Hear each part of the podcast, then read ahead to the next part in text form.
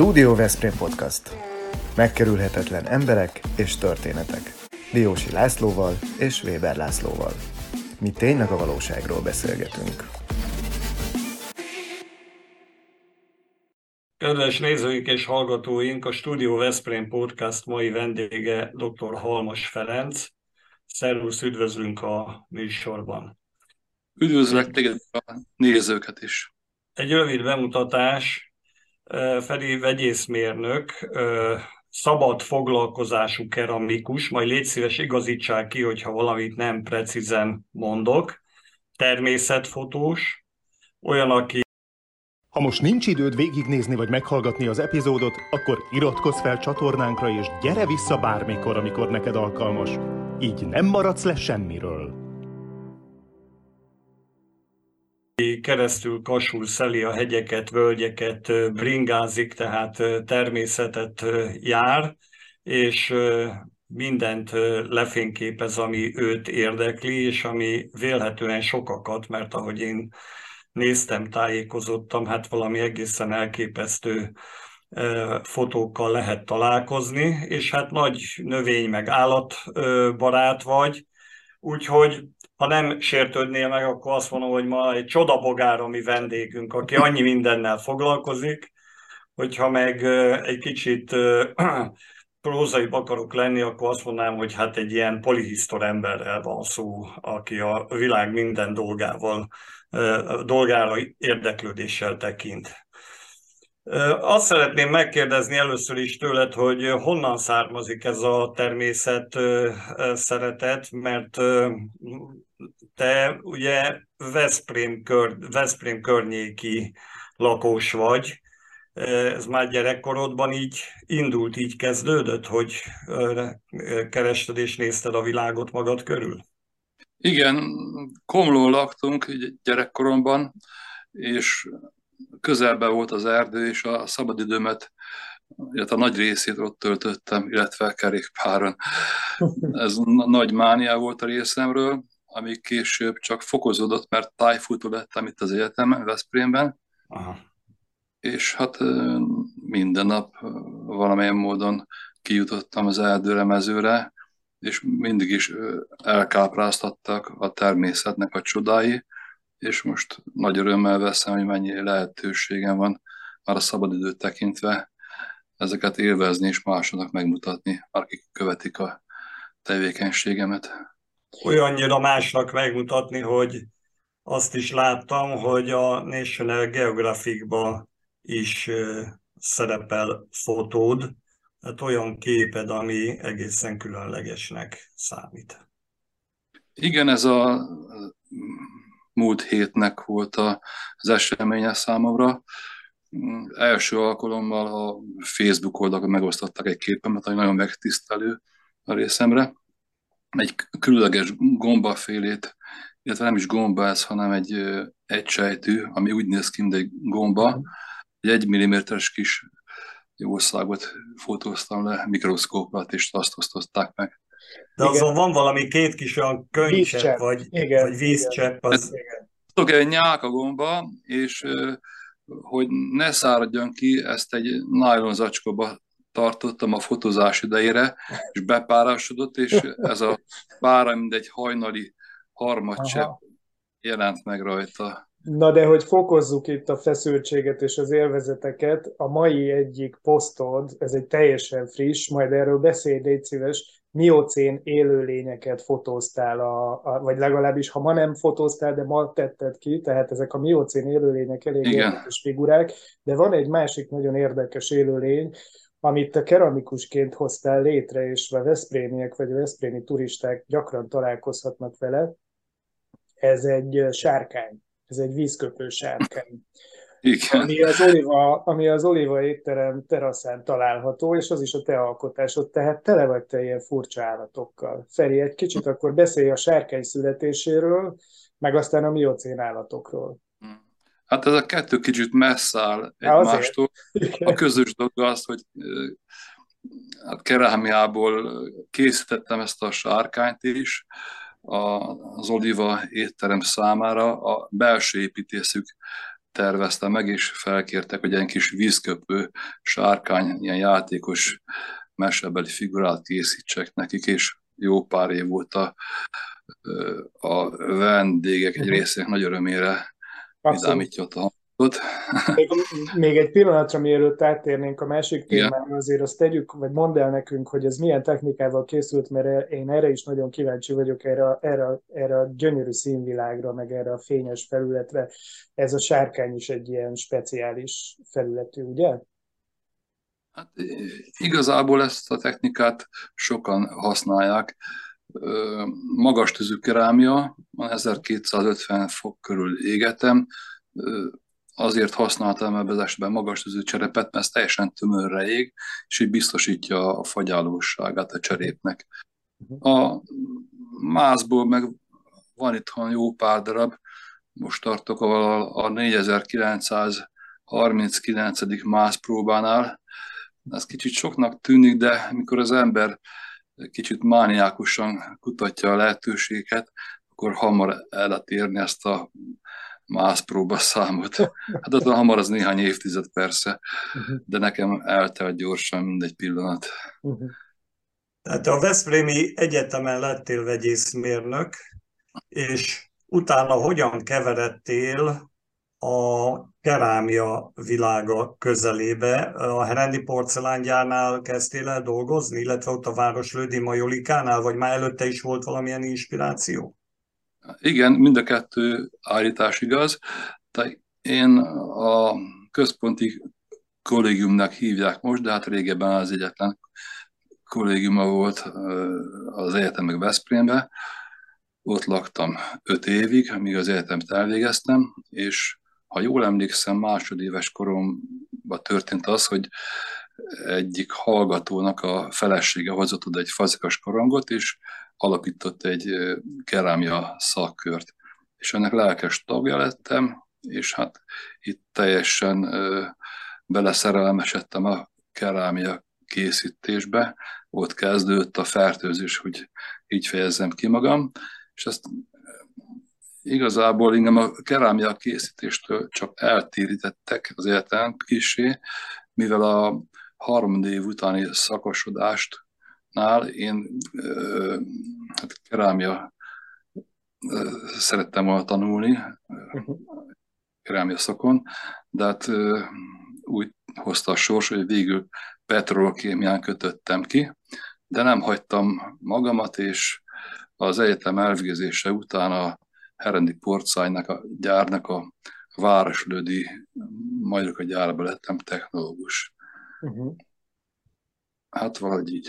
Aha, viszont akkor ha már itt tartunk a Majolika gyár főtechnológusánál, uh, itt... Hát ez főtechnológus, ez túlzás, mert... Vagy technológusánál, uh, ez 89-ig tart, ugye, és akkor egyszer csak te azt mondod, hogy jó, ahogy a Laci is erre utalt, hogy akkor ilyen szabad foglalkozású keramikussá avanzsálsz, tehát kilépsz abból a, abból a szisztémából, a vegyészetet is magad mögött hagyod, és akkor egyszer csak egy ilyen művészi, kvázi művészi pályára lépsz. Most így 30 év távlatából mit tudsz elmondani nekünk a legfőbb motivációról, ami akkor volt benned, hogy ez a váltás megtörténjen?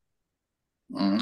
Igazából az a törekvés, hogy önállóan egy kis műhelyben a magam kedvére és mások örömére dolgozhassak, ez meg volt szinte gyerekkorom óta, Aha.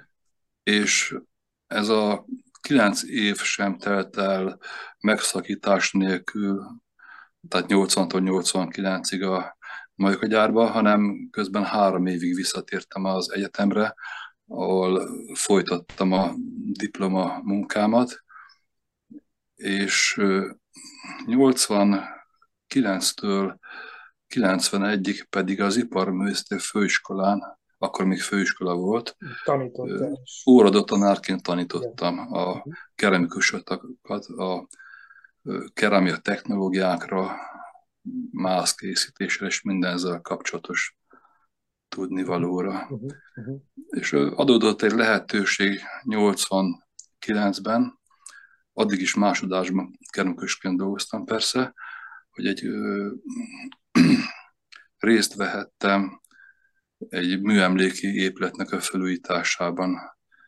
Ez a transplantációs intézet volt Budapesten, amire körülbelül 28-30 féle száz éves régi kerámia díszítő elemet kellett felújítani, ilyen ezres körüli nagyságrendben.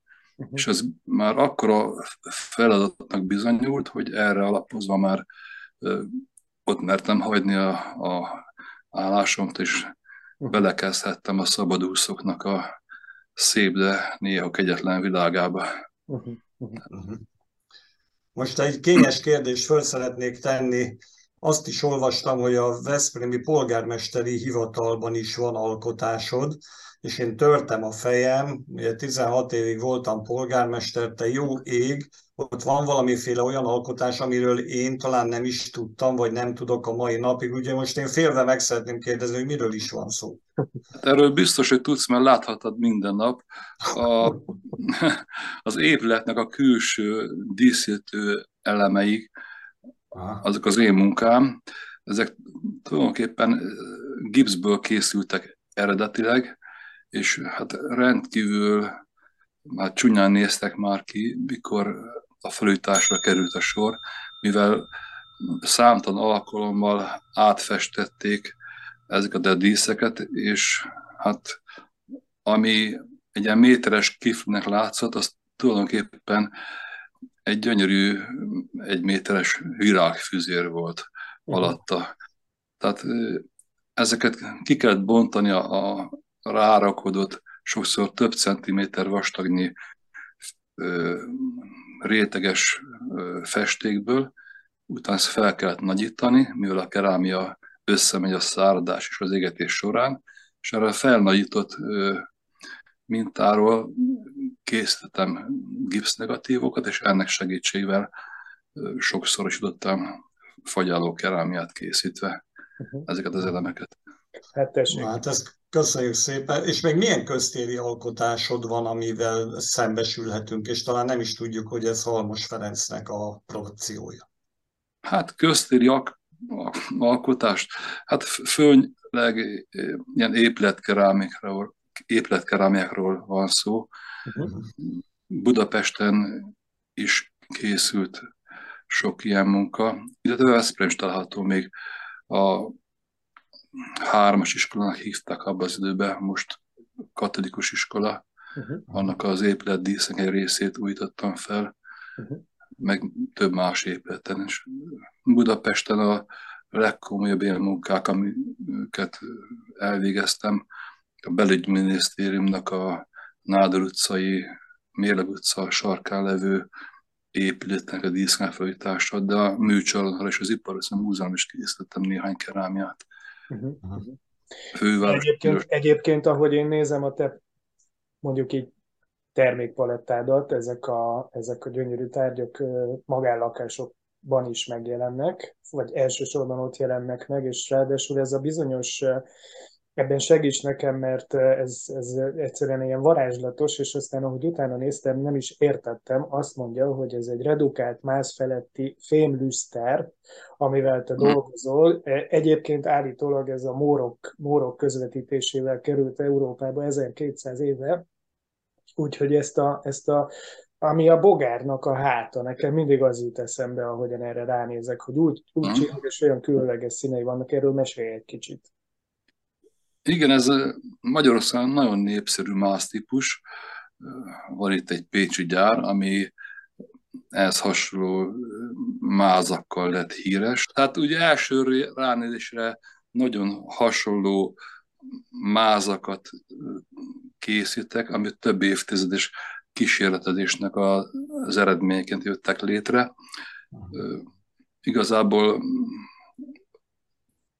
nincs birtokomban a gyári technológia, saját ami nagyon hasonló eredménnyel járt.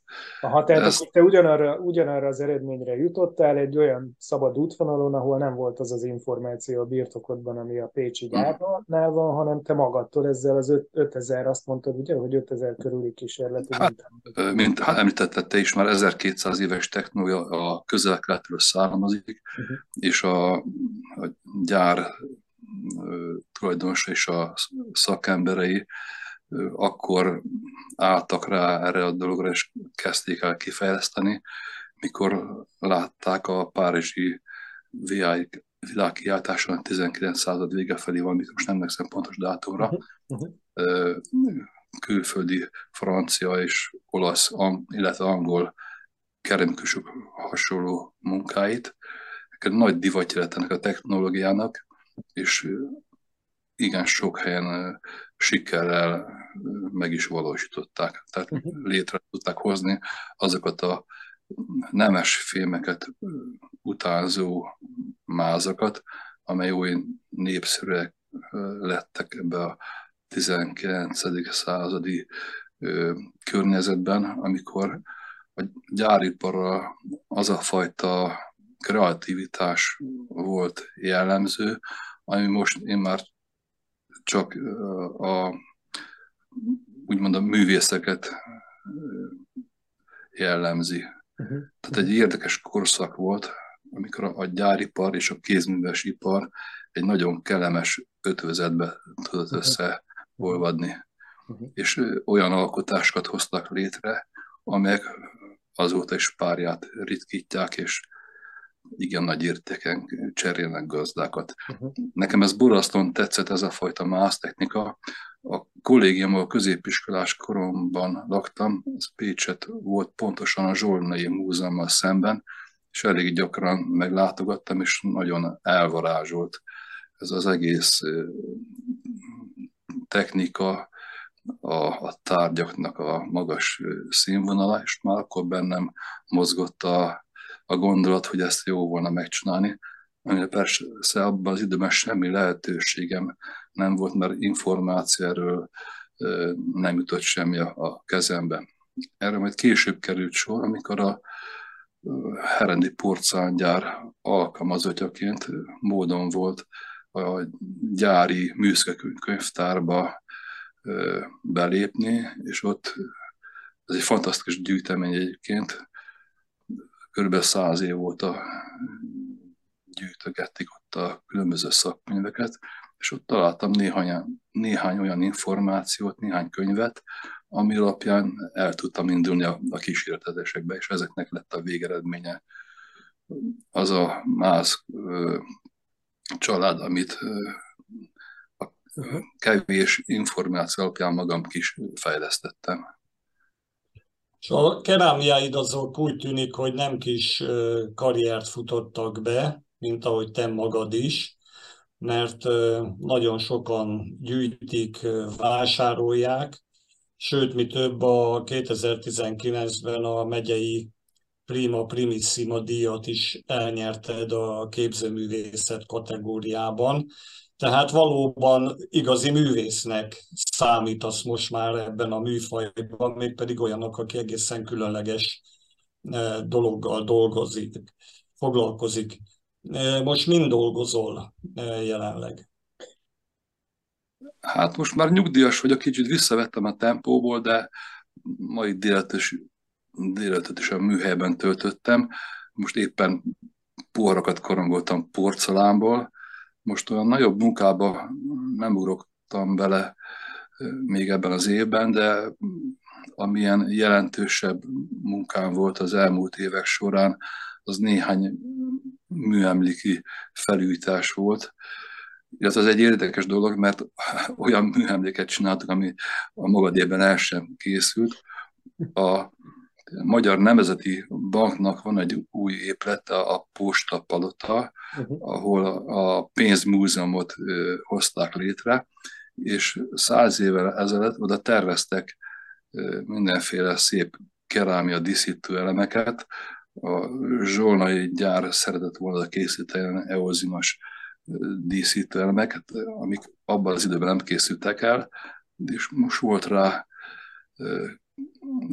készség és pénz, hogy ezeket megcsináltassák, és együttműködve a hollóházi portszángyárral elkészítettem ezeket a hiányzó elemeket. Hát a hollóházak megcsinálták a máz nélküli kerámiákat, és ezután ezeket magam bemázoltam és kiégettem.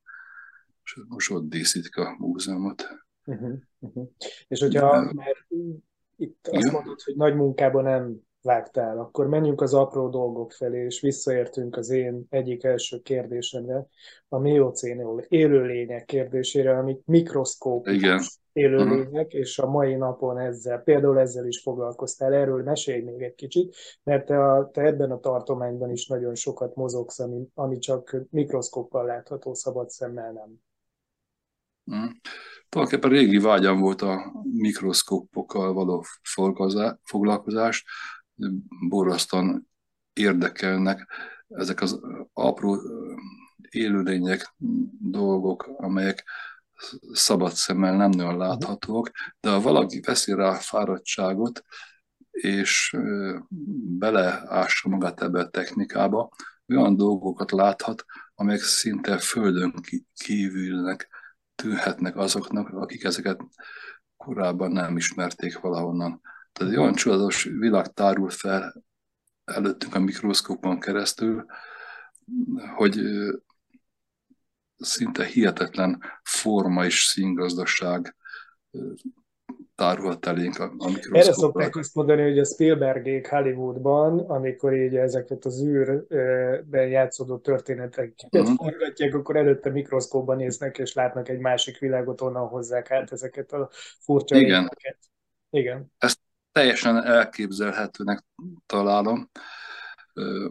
Volt egy Ernst Haeckel nevű német úr, aki valamikor a 19. század vége felé egy hosszú hajóútra ment egy, egy ilyen kutatóhajóval, és tulajdonképpen mindenféle iszap mintákat szedegettek ki a, a tenger aljáról, meg magából a tengerből halásztak ki mindenféle mikro és makro méretű élőnyeket, és olyan csodálatos világot fedeztek fel ebben, hogy az az úr egy egészen vastag, több kilós könyvet rajzolt teli azokkal az élőlényekkel, mikroszkopikus élőlények és makroszkopikus élőlények persze, amelyeket az út során találtak. Uh-huh. Tehát ha valaki egy, ebbe könyvbe belenéz, szerintem könnyedén meg tudja rajzolni ezek alapján egy ilyen tudományos,